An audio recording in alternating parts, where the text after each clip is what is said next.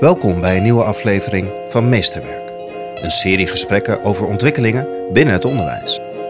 Als er gefluisterd wordt in het Turks achter in de klas, dan is dat veel en veel erger dan als er gefluisterd wordt in het Nederlands. Ik denk dat feitelijk elke leerling, welke school dan ook, de ruimte zou moeten krijgen om die taal te kiezen die hij wil leren. En zeker leerlingen die dus al een taal machtig zijn, dat je die altijd, waar ze ook zitten, de gelegenheid biedt om die kennis te versterken en te verzilveren. In deze aflevering spreek ik Karin Helsloot over haar stichting Taal naar Keuze. We weten ook dat als je meertalig opgroeit, dat je vervolgens ook nieuwe talen veel makkelijker kunt leren. Volgens Karijn maken we in ons onderwijs te weinig gebruik van de meertaligheid van onze leerlingen.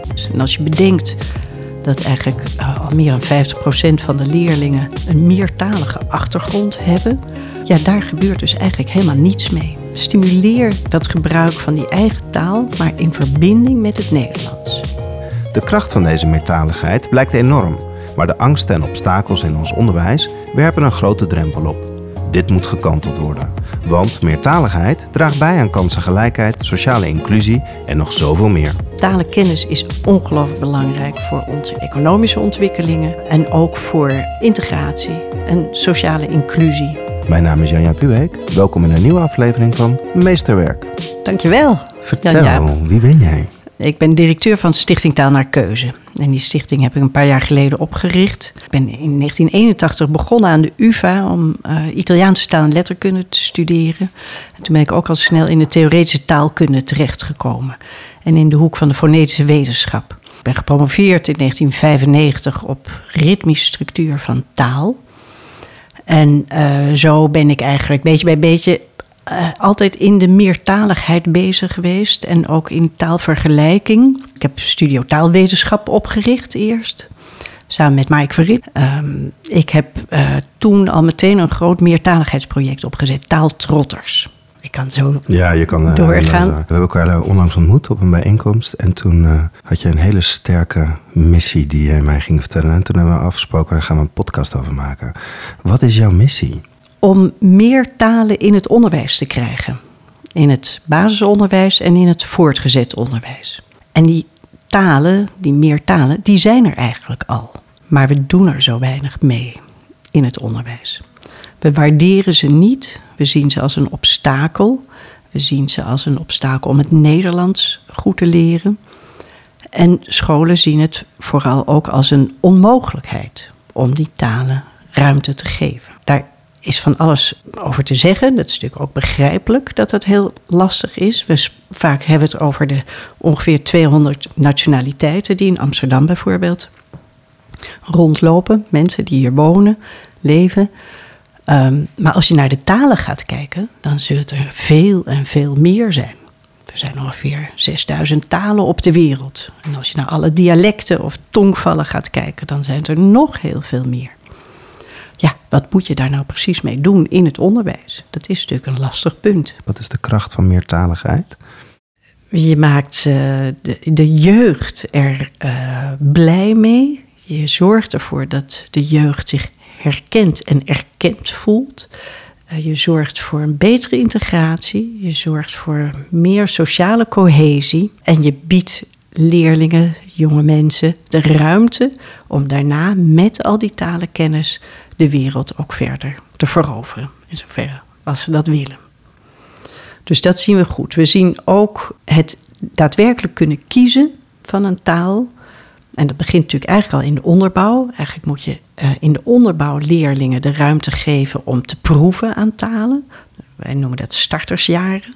Biedt starter, een startersjaar Spaans of Italiaans of Russisch aan, of Chinees, of Arabisch, Turks, ook andere talen.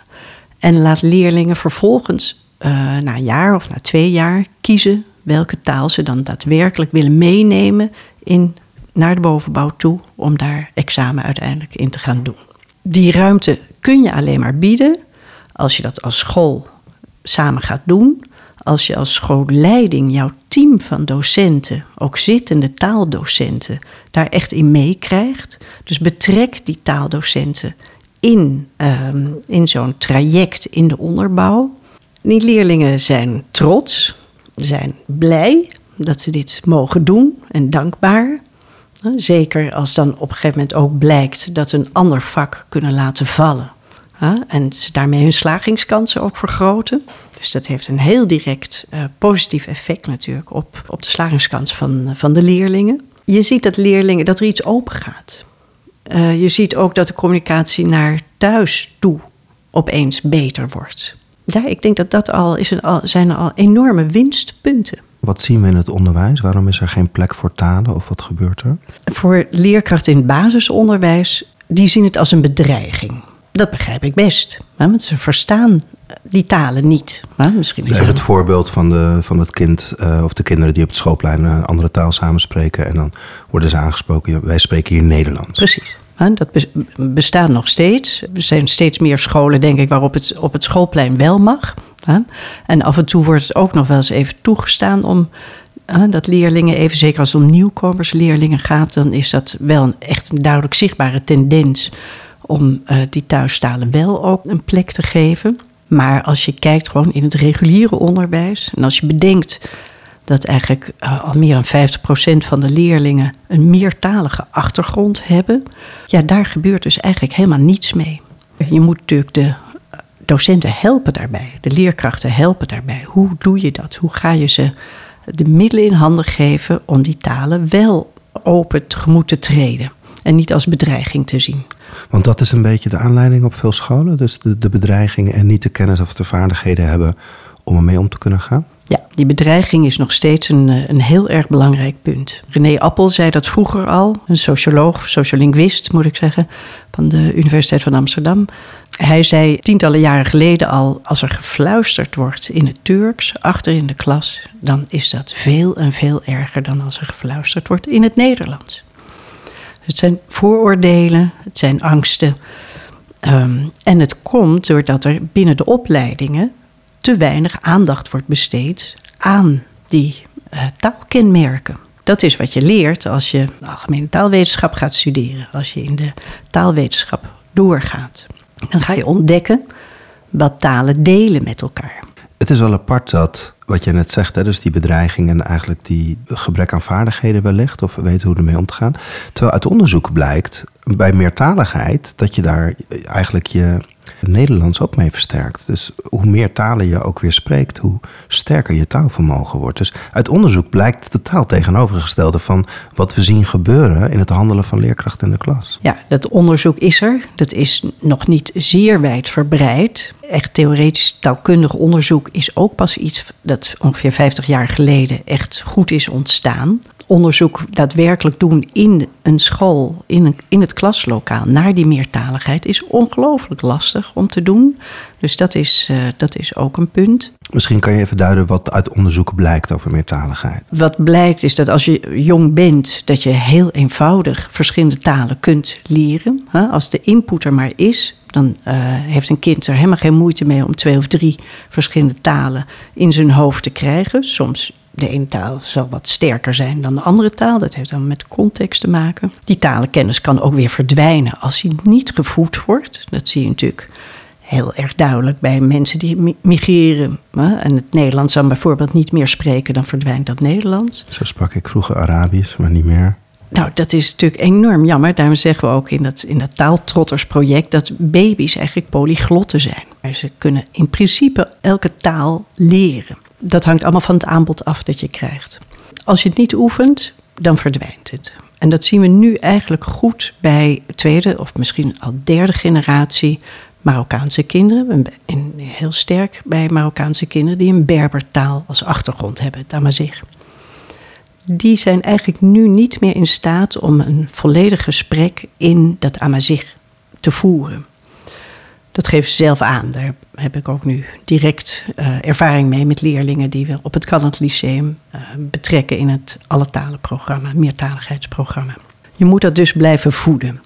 We weten ook dat als je meertalig opgroeit, van jongs af aan, dat je vervolgens ook nieuwe talen veel makkelijker kunt leren. We weten ook dat het hele proces van dementie bijvoorbeeld afneemt, minder snel optreedt als je meertalig bent. blijft een zaak dat je die talen wel het liefst dagelijks moet blijven gebruiken. Nou, waardoor je dus die verschillende talen in je brein ook daadwerkelijk activeert. Dus die angst die de leerkracht heeft, kan je die wegnemen vanuit het onderzoek? Ja, zeker. We hebben veel situaties waarbij thuis een hele andere taal wordt gesproken en het Nederlands eigenlijk niet wordt gesproken of maar slecht uh, beheerst wordt.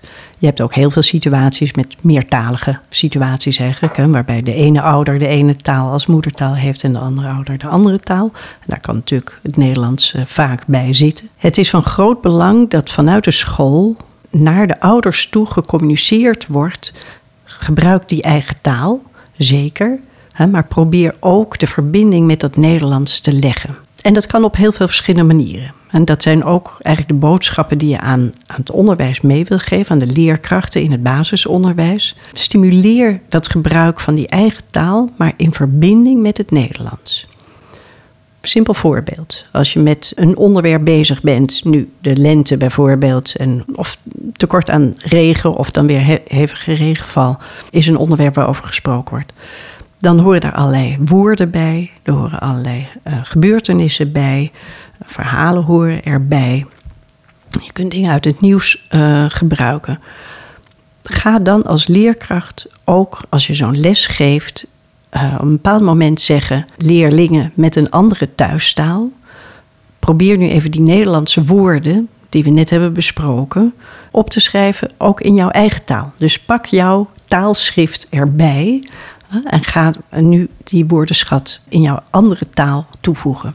Nou, heel veel leerlingen zullen dat niet zomaar kunnen, want ze kennen dat woord misschien niet in die andere taal. En dan is de vervolgstap natuurlijk: neem dit ook mee naar huis, dit onderwerp. Probeer hierover te praten. Vraag aan je ouders wat die woorden zijn.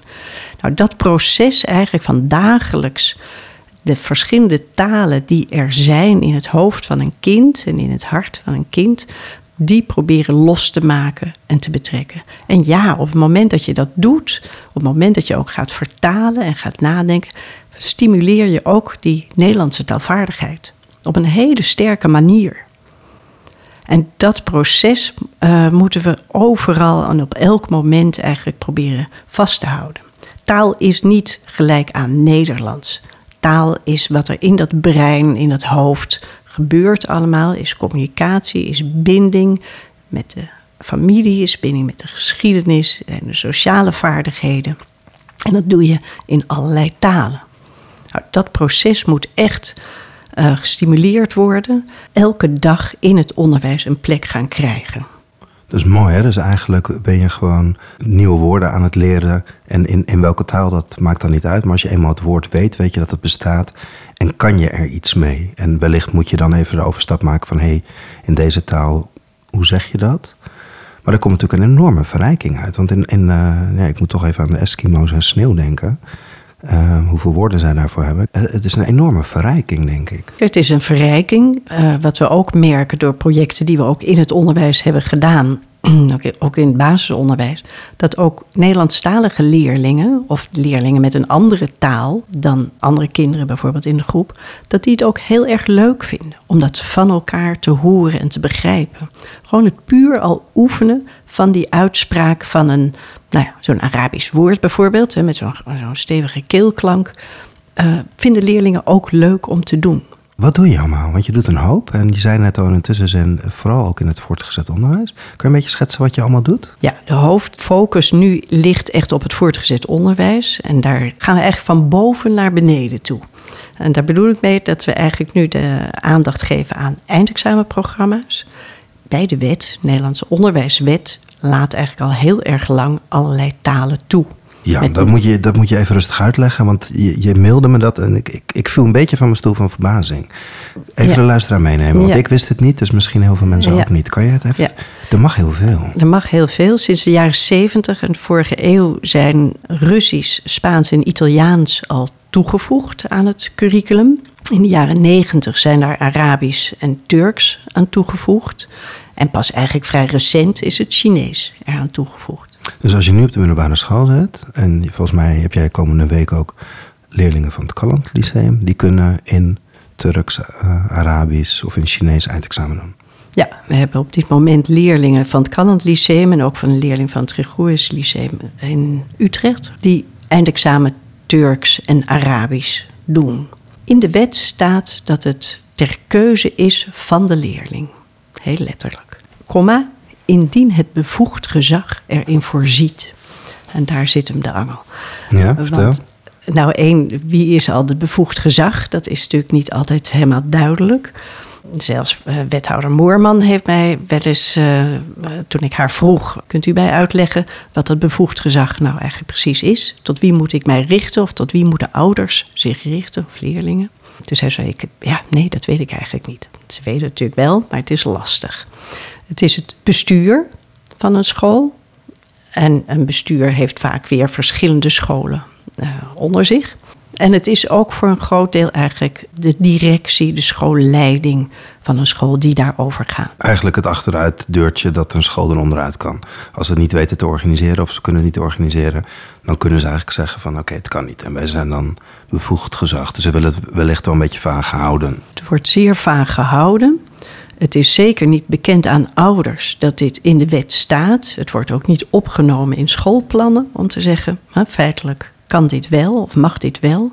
Mag al in de onderbouw kun je ook zo'n andere taal doen in plaats van Duits of Frans bijvoorbeeld. Nee, scholen die proberen dit tegen te houden. Ik heb met heel veel schooldirecteuren gesproken in de afgelopen paar jaren. Redenen zijn, wij kunnen het niet organiseren. Want als we dit gaan toelaten en er komen zomaar uh, zes of acht uh, talen bij, onze rooster zit al zo vol. We kunnen dat niet georganiseerd krijgen. Ja, dat begrijp ik, maar dat is natuurlijk zo. Maar je moet dus ook anders gaan organiseren. Je moet... En je hebt leraren nodig. En je hebt leraren nodig. Je hebt een hybride systeem nodig. Je moet leerlingen op afstand ook kunnen begeleiden. Je moet ook leerlingen van verschillende scholen bij elkaar kunnen brengen.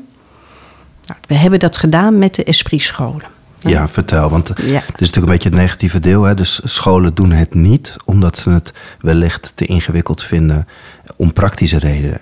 En daarmee schuiven ze die hele toegevoegde waarde van het taalkunde, schuiven ze eigenlijk gewoon helaas onder het tapijt. Ja, van, van talenkennis. Heel kort eventjes, omdat we net afgelopen zondagavond hebben een college tour met Christine Lagarde kunnen volgen. De voorzitter van de Europese Centrale Bank. De eerste vrouw in zo'n hoge positie die dit, eh, die dit uh, doet. En haar boodschap aan de studenten en aan de kijkers was: leer talen. Leer zoveel mogelijk talen.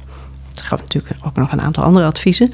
Maar in ieder geval uh, leer die talen. Talenkennis is ongelooflijk belangrijk voor onze economische ontwikkelingen en ook voor integratie en sociale inclusie een wereld die um, vredelievend ja, wil je verbinden. Hè? Mijn vader zei altijd van 60 cent van elke euro komt uit het buitenland. Dus zorg dat je die talen spreekt waar, waarmee je ontmoetingen hebt of misschien samenwerkt of whatever. Ja, ja dus, dus eigenlijk jouw oproep aan de scholen is word wakker of wake up. Ja. Hè? En laten we niet het praktische voorop stellen, maar laten we de kracht van talen voorop zetten. Ja. Ja. En, en we kunnen het anders organiseren. We kunnen het anders organiseren. En door die pilot bij de Esprit-scholen, waar ik het net over had, weten we dat leerlingen heel erg veel belangstelling hebben ook voor talen. Ja, de Esprit-scholen, dat is een bestuur in Amsterdam.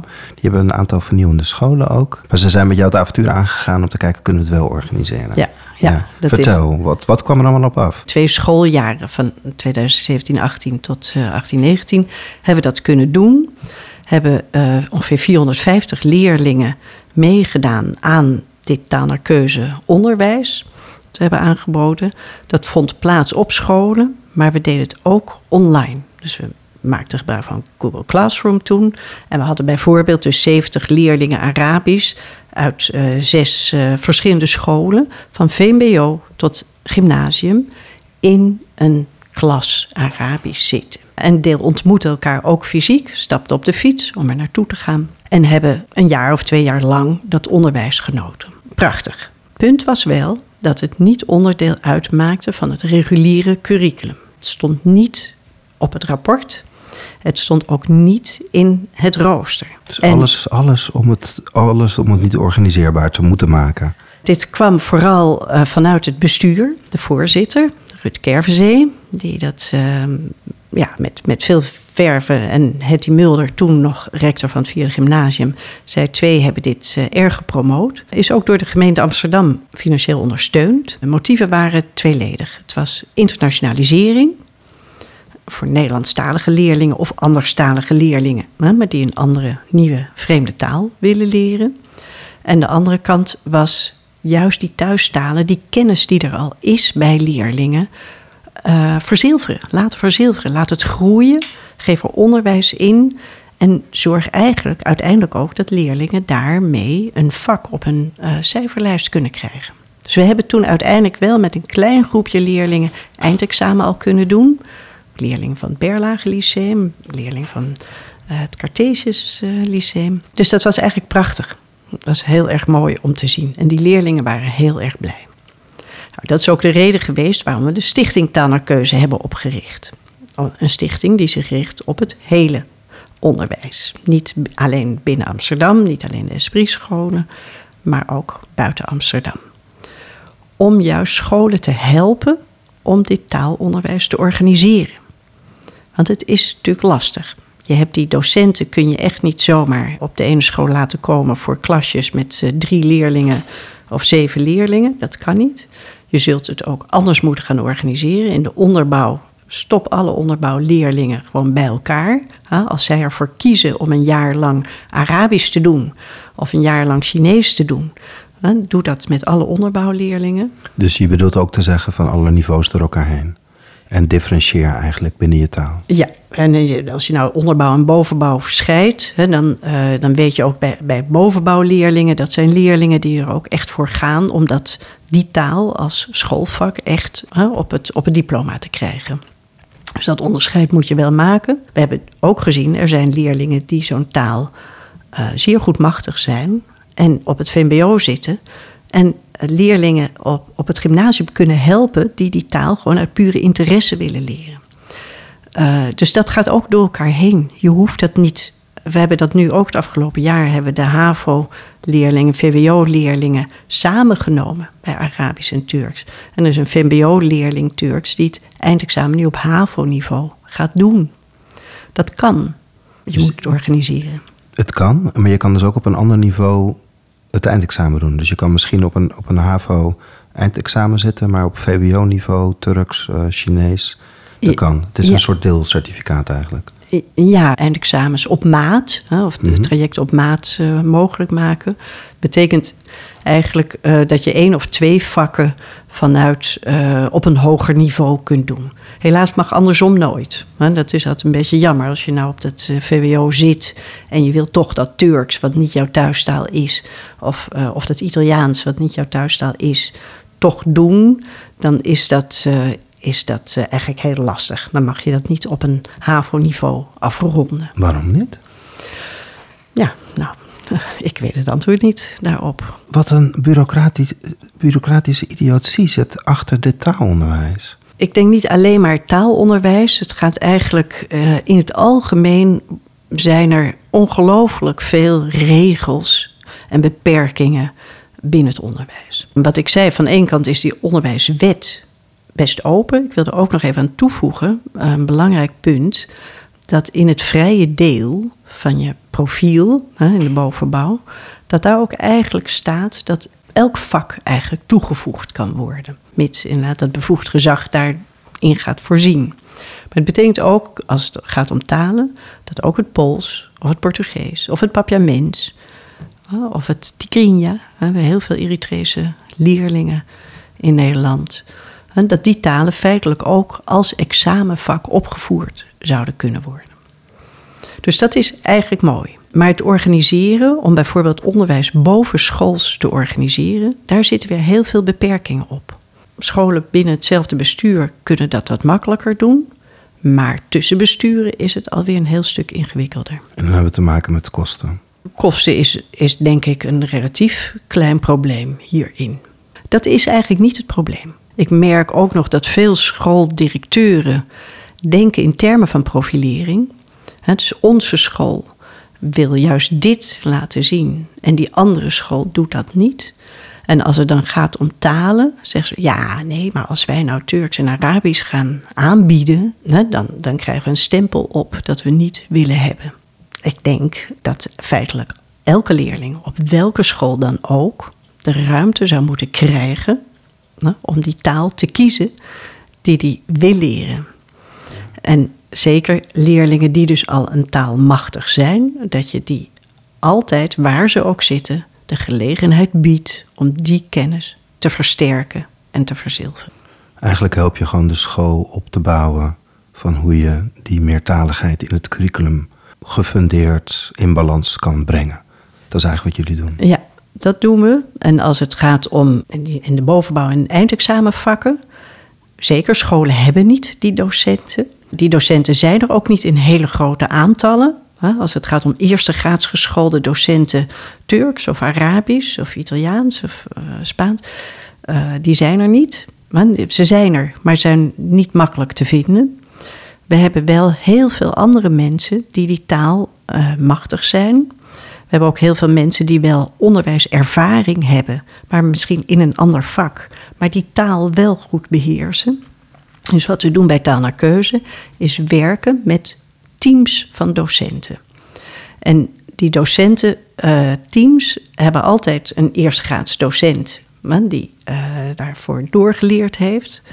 Uh, maar daar kunnen ook allerlei andere docenten omheen zitten die um, moedertaalsprekers, maar ook uh, juist Nederlands sprekende docenten die goed weten hoe bijvoorbeeld grammatica in elkaar zit. En je kunt de ene docent hebben die het heel erg leuk vindt om met literatuur te werken of met film te werken. En de ander vindt het juist leuk om die schrijfopdrachten te begeleiden. Wederom heb je weer een antwoord op het organisatorische probleem van bemensing bijvoorbeeld en het praktische deel. Ja. Jullie hebben het gewoon helemaal weggehaald. Het kan. Het kan, het kan echt. En we hebben ook echt die docenten Duits en Frans nodig, die op die scholen zitten allemaal. Die het soms nu best ook lastig hebben, omdat leerlingen uh, niet voor die taal kiezen. Of het toch laten vallen als het uh, kan. Ook die docenten zijn heel hard nodig om te zorgen dat je dit dynamische en heterogene systeem eigenlijk probeert uh, echt te verbinden. Ja, want is het een wilsvraag of is het een leiderschapsvraag? Het, uh, het eerste punt is heel erg belangrijk. Dus docenten voelen zich bedreigd, zeker. Als je meer talen gaat toelaten in het curriculum, dan voelen ze zich bedreigd. Tegelijkertijd weten we ook dat er ook uh, voor Duits en Frans tekort is aan leerkrachten. Dus leerkrachten die er op de ene plek zitten en nog misschien gewoon echt wel ruimte hebben, uh, die zouden ook mee kunnen doen in onze hybride onderwijsvorm. Je hoeft niet per se van Venlo naar, uh, naar Alkmaar toe te reizen om dat onderwijs te verzorgen.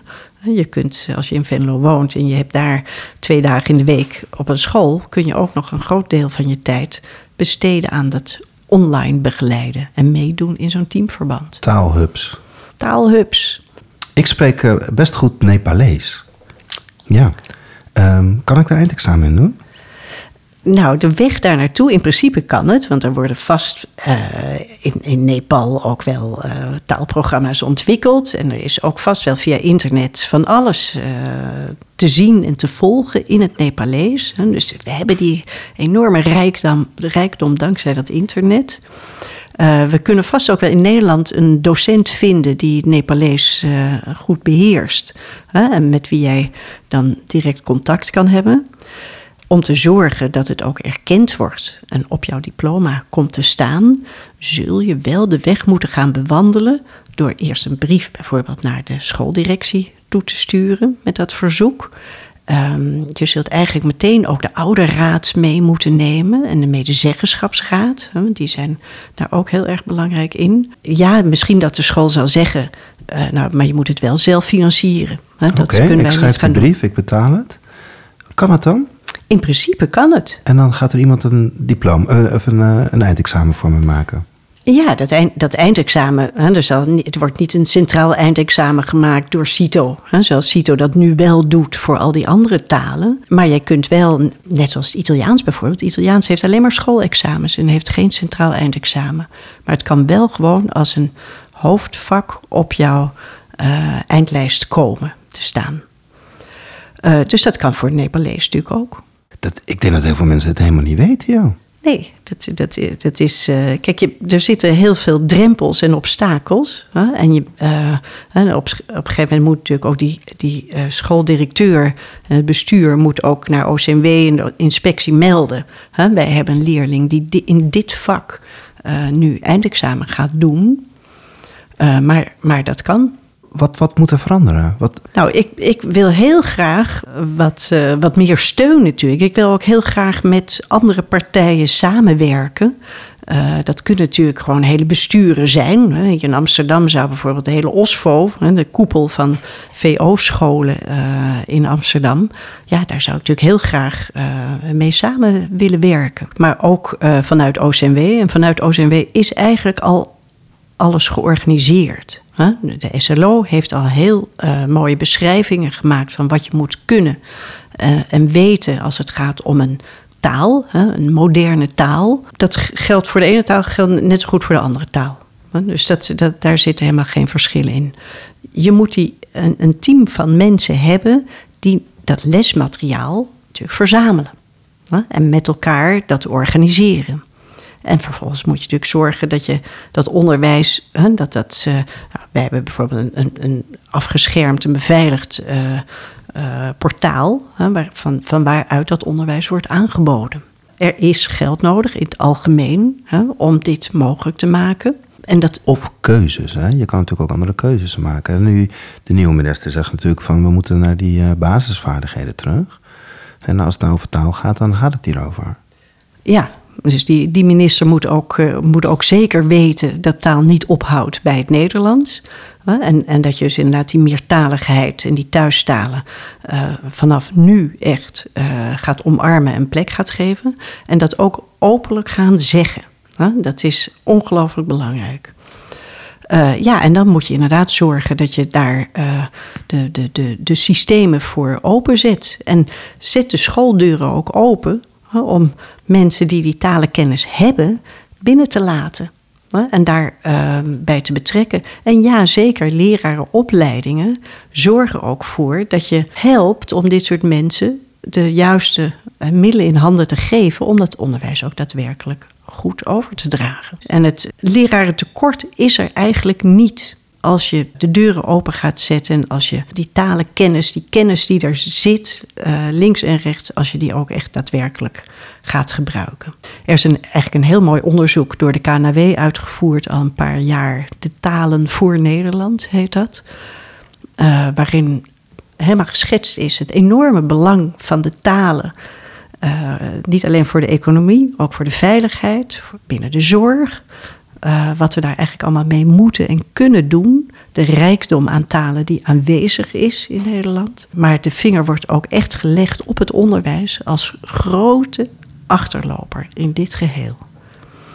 Nou, dat moet echt een keer opgepakt worden. Ik hoop dat uh, minister Robert Dijkgraaf daar nu ook een keer iets over gaat zeggen. Ja, wat zegt mevrouw Moorman? Want die, die, die weet zich in de media neer te zetten als de grote gelijkmaker. Ja. Hier ligt een bal voor haar voeten die ze alleen maar even hoeft ja, in te schoppen. Ja, ik heb hem die bal al heel wat keren ook voor haar voeten gelegd. En uh, ik heb met haar aan tafel gezeten. Ik heb haar afgelopen maandag weer in Pakhuis de Zwijger gezien. Ook toen wel al even een complimentje gemaakt, omdat het meertaligheid opeens wel voor het eerst werd genoemd. Dat gaat even over het presentatie van het boek van Louise Elvers, dat net mm -hmm. uh, is uh, verschenen. Uh, kansgelijkheid in het onderwijs. Maar wethouder Moerman helaas vindt het toch ook nog te ingewikkeld. Wat ze eigenlijk zegt, het ligt niet bij mij, ik ga er niet over. Het ligt echt bij de scholen en ja. de schoolbesturen. Ja, ze kan toch wel een beetje aandacht geven en een duwtje geven. Hè? Dat, dat zou ik beetje... wel denken, ja. Net zoals burgerschap ja. ook een duwtje krijgt vanuit de gemeente...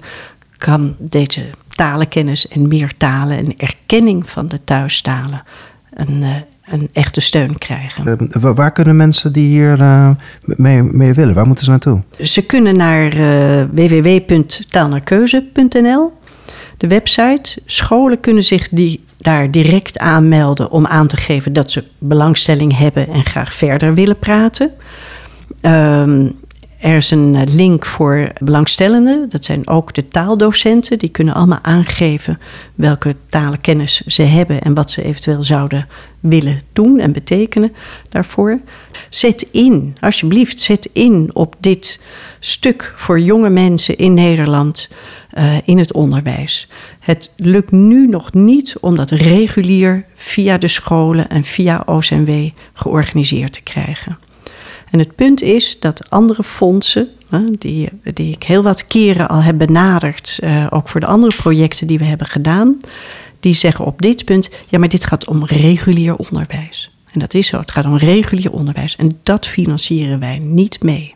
Een project, ja, maar niet regulier onderwijs. Dit is een stichting, het is een stichting met ambistatus ook, geen winstoogmerk, er zijn geen commerciële partij die dat allemaal van de scholen weghaalt.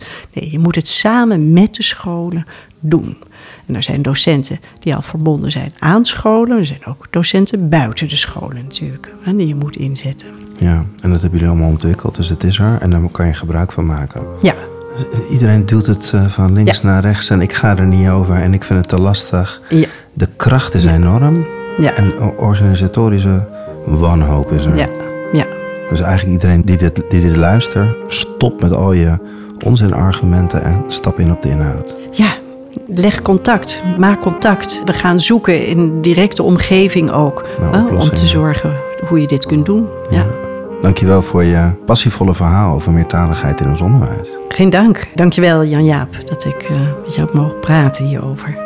Meer podcastafleveringen van Meesterwerk zijn te beluisteren via Spotify, iTunes, Soundcloud of kijk op janjaaphubeek.nl.